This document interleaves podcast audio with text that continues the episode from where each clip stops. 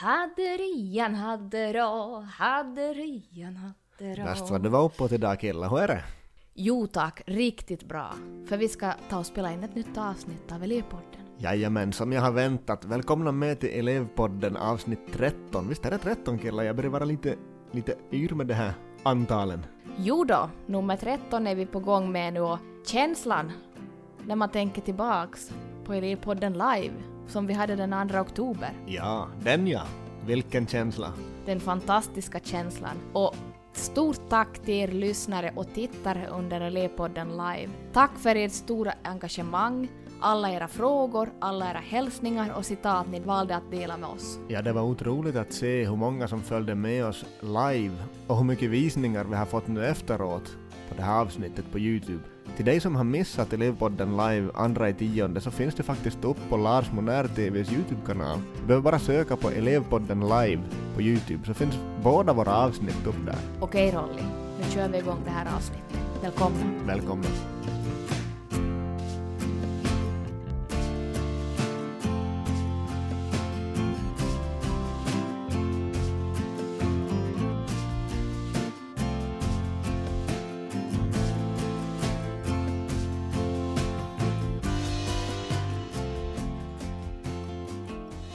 Vi har valt som citat för det här avsnittet följande. Varje ögonblick ger oss chansen att älska, lära oss, drömma och bli mer än vi någonsin föreställt oss. Det här citatet så kanske inte låter alldeles självklart när vi ska prata om sociala medier och hur sociala medier påverkar vårt mående. Men jag tror vi kommer att få en riktigt bra sammanfattning längre fram i avsnittet. Det tror jag också för att det finns mycket att diskutera kring mående, kring att ta varje ögonblick som en chans att, att lära sig något, drömma och så vidare. Om vi skulle börja med att reda ut vad är sociala medier? Och kortfattat så kan man egentligen säga att det är olika digitala kanaler och tjänster som ger oss information i form av text, ljud, bild, video med mera. Och exempel på olika sociala medier så kan ju vara vloggar, poddar såsom vi, och olika sociala nätverk, till exempel Snapchat, Instagram och WhatsApp. Men Rolly, vad är egentligen då meningen med olika sociala medier? Om man frågar företag som Facebook, TikTok eller Snapchat och så vidare så är deras största önskan att få vår uppmärksamhet. De vill att vi ska använda just deras app och vilja ha mer och mer av den. För då finns det behov av att förbättra den här appen efterhand och då, då finns det ju arbete med det. Hur jobbar de då för att få vår uppmärksamhet?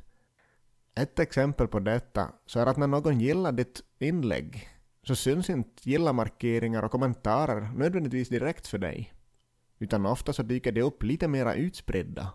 Och det här har grundarna till apparna räknat ut.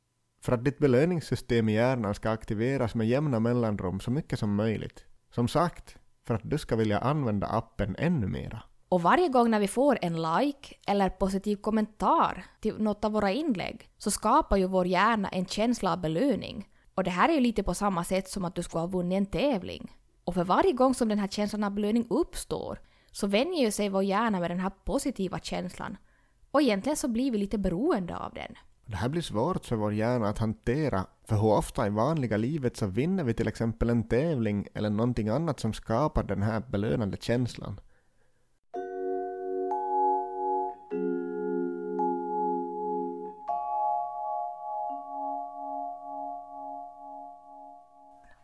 Synen är ju ett väldigt starkt sinne för oss människor. Och mycket av våra sociala medier så är ju baserade på helt enkelt bilder och filmer. Och varje gång vi ser en bild så sker det ju direkt en reaktion i vår hjärna. Det finns skillnader mellan hur pojkar och flickor påverkas av bilder. När en flicka ser en bild, till exempel på en kvinnokropp som ligger nära idealet i vårt samhälle, så aktiveras de delarna av hjärnan som förknippas med rädsla och ångest. Det blir omedvetet en jämförelse mellan den egna kroppen och det som anses vara vackert. Och man börjar lätt ifrågasätta. Är jag tillräckligt fin? Duger jag? Sociala medier har ju verkligen ändrat på vårt sätt att se på relationer. För plötsligt så har vi ju fått ett verktyg för att mäta hur mycket vi blir omtyckta av det vi har runt omkring oss. Tidigare så gjorde man ju den här bedömningen endast vid riktiga möten med andra människor. Man kanske funderar att ser någon mig? Ler någon mot mig när jag kommer in i rummet? Saker som man liksom enkelt kunde lägga märke till. Det är till exempel svårt att låta bli att le tillbaka om någon ler mot dig. När man flyttar de här relationerna till sociala medier, då kopplar man bort de här sakerna man kan se och själv avgöra och ägnar sig istället åt att räkna antal likes eller kommentarer.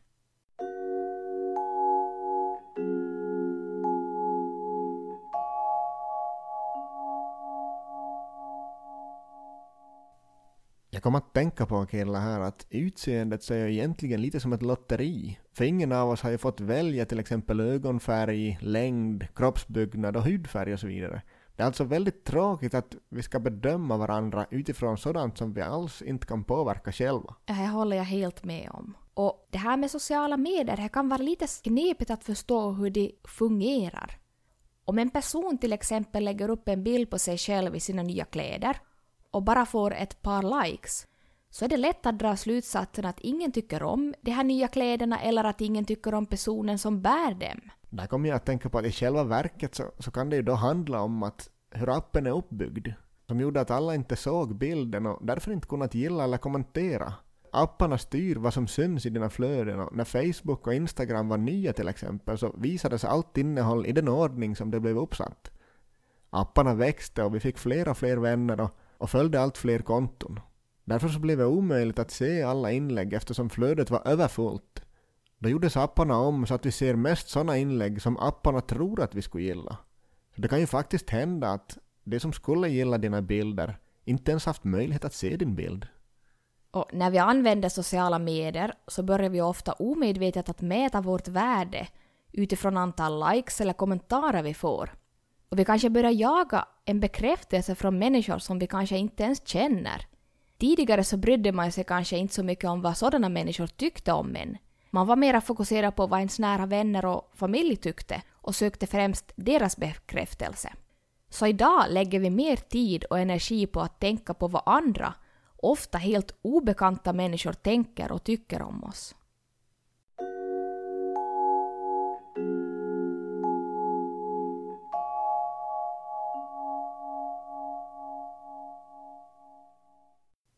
Det som är väldigt knepigt med sociala medier, åtminstone i mitt fall, i mitt liv, så märker jag att det är en enorm tidstjuv. Håller du med mig, Rolly? Jo tack. Jag håller verkligen med, för jag märker också att sociala medier tar exakt så mycket tid som man ger dem.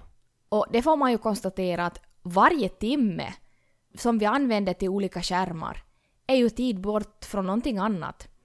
Tid som vi skulle ha kunnat sätta på motion, umgänge med vänner eller sömn.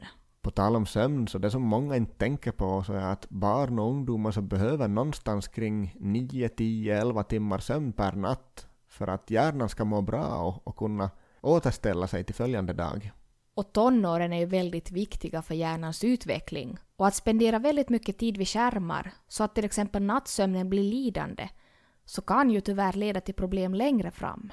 Och också på tal om att sociala medier är en tidstjuv. Jag kan ofta känna en press att behöva svara och vara aktiv i alla grupper man är med i på sociala medier. Det här kan jag också se och känna igen mig i för att så sent som idag så valde jag att gå ur en grupp där det bara ploppade upp en massa meddelanden hela tiden. Jag kände att jag hade inget att bidra med i den här diskussionen och det kunde vara till och med flera hundra meddelanden om man inte hade hunnit vara in på telefonen på en hel dag. Så jag blev så stressad av det här så att jag gick ur den här gruppen och konstatera att vad är nu det värsta som kan hända om man väljer att inte vara aktiv i alla grupper eller till och med lämna en grupp. Det här är ju en sak som jag tror att vi många har gemensamt, den här pressen vi känner när vi är delaktiga i olika grupper och att, att det tar väldigt mycket tid när vi ska hinna svara och vara delaktiga i alla diskussioner. Och en del av den här pressen så kan ju till och med komma från att vi tänker att hur tidigt ska jag svara eller vad ska jag svara i olika sammanhang i en viss grupp. Att vad finns det för personer med och åsikter och hur hör jag till till den här gruppen på bästa sätt? Så allt det här så skapar också en press.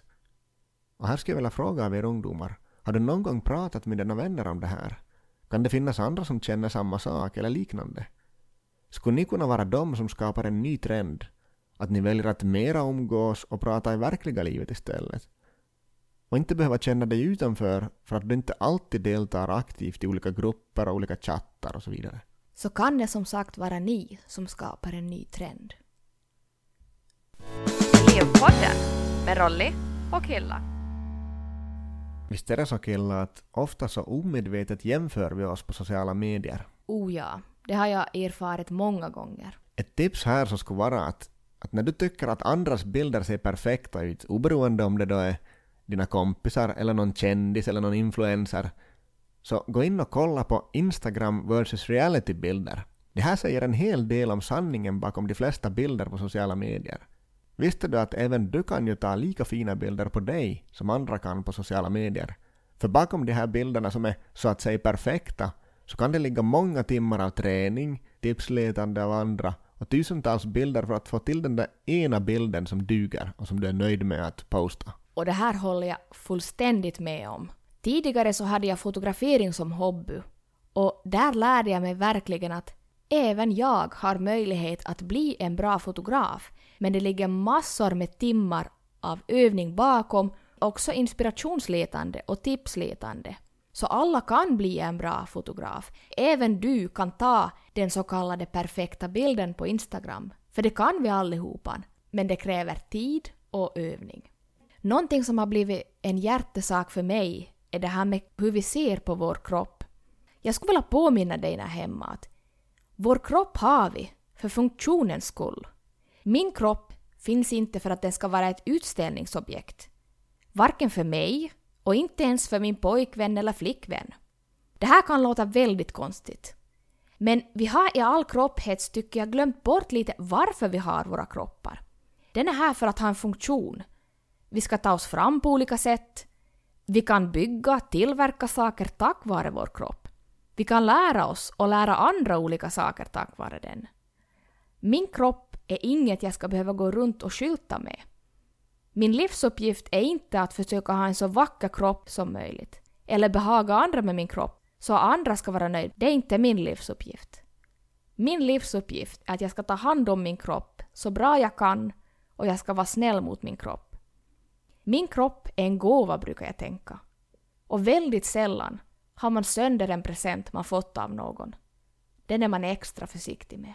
Var får du allt ifrån kille? Det var ju hur klokt som helst sagt. Alltså hjärtligt tack Rolly. Och i ärlighetens namn så det här är ett tankar och känslor jag själv har fått kämpa väldigt mycket med i många år. Och jag är otroligt tacksam att jag har fått komma fram till den här insikten idag och jag hoppas att jag med mina tankar ska kunna bidra åt någon annan.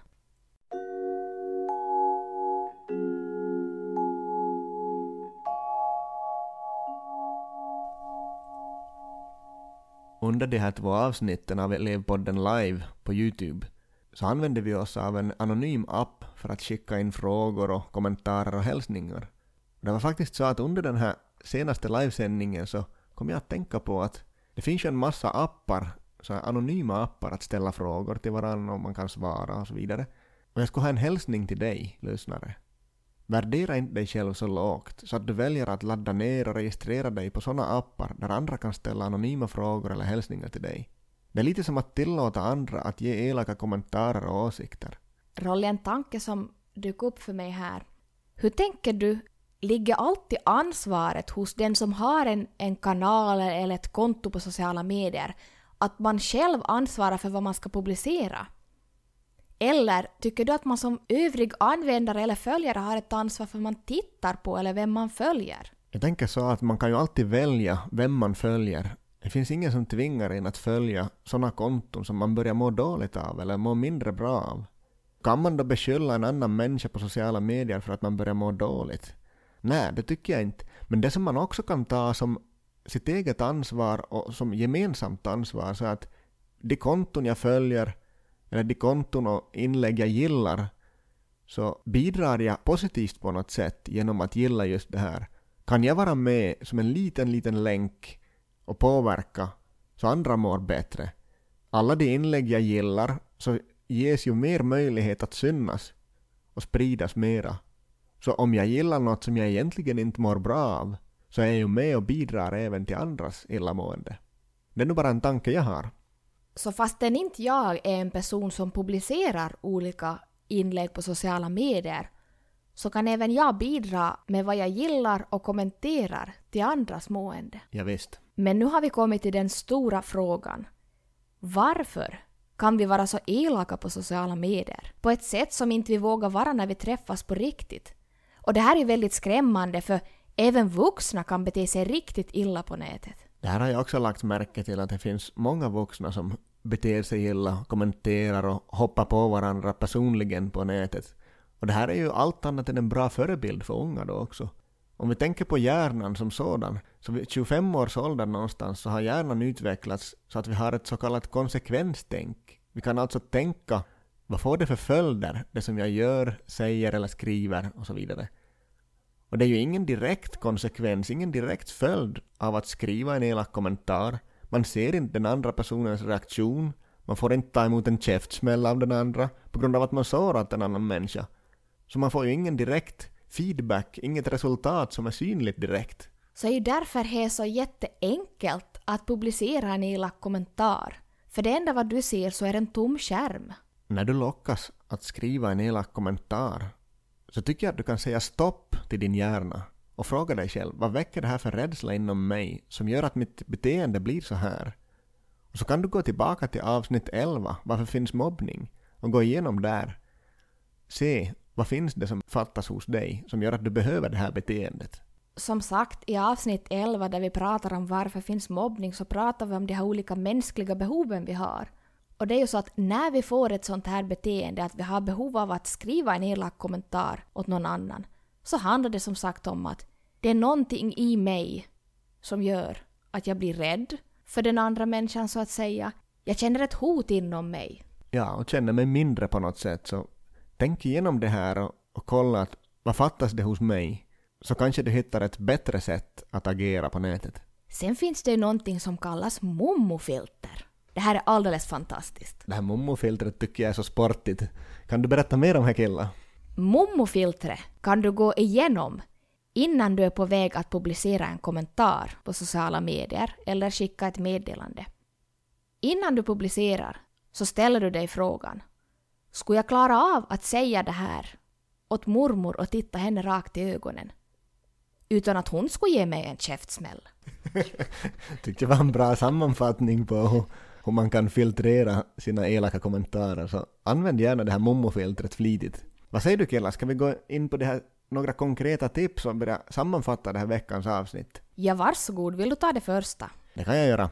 Till att börja med så skulle jag vilja ge som tips att skriv ner en lista på alla sociala medier som du använder och ställ dig dessa frågor om varje social media du använder. Gör den här appen att jag mår bättre?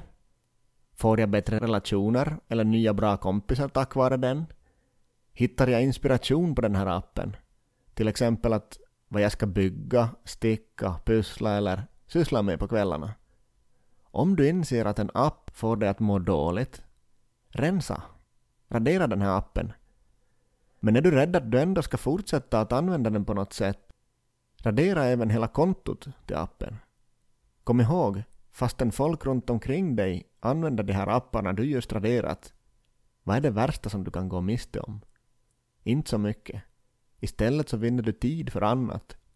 Sånt som kanske får dig att må bra istället. Vi pratar ju ofta om hur viktigt det är att äta mat som innehåller bra näring. Men det är ju inte bara genom maten vi får i oss vår näring. Vår så kallade diet är inte bara vad du äter. Det är också vad du tittar på, lyssnar på, vad du läser och vilka människor du umgås med. Var uppmärksam på de saker du tillsätter i din kropp känslomässigt, tankemässigt och kroppsligt. För kom ihåg att din kropp är en gåva. Och sist men inte minst, använd mommofiltret flitigt. Nu tror jag Rolly vi börjar tacka för oss. Det har varit ett intressant samtalsämne i, i det här poddavsnittet. Och jag tror att vi kommer i något skede att prata mer om det här, eller vad killar? Absolut, sociala medier är så stor del av er vardag. Så det här ämnet finns det mycket att prata om. Men nu får vi tacka för oss. Tack för att du har lyssnat. Ha en god fortsättning på hösten och vintern, så hörs vi i nästa avsnitt. Ta hand om er. Tack och hejdå!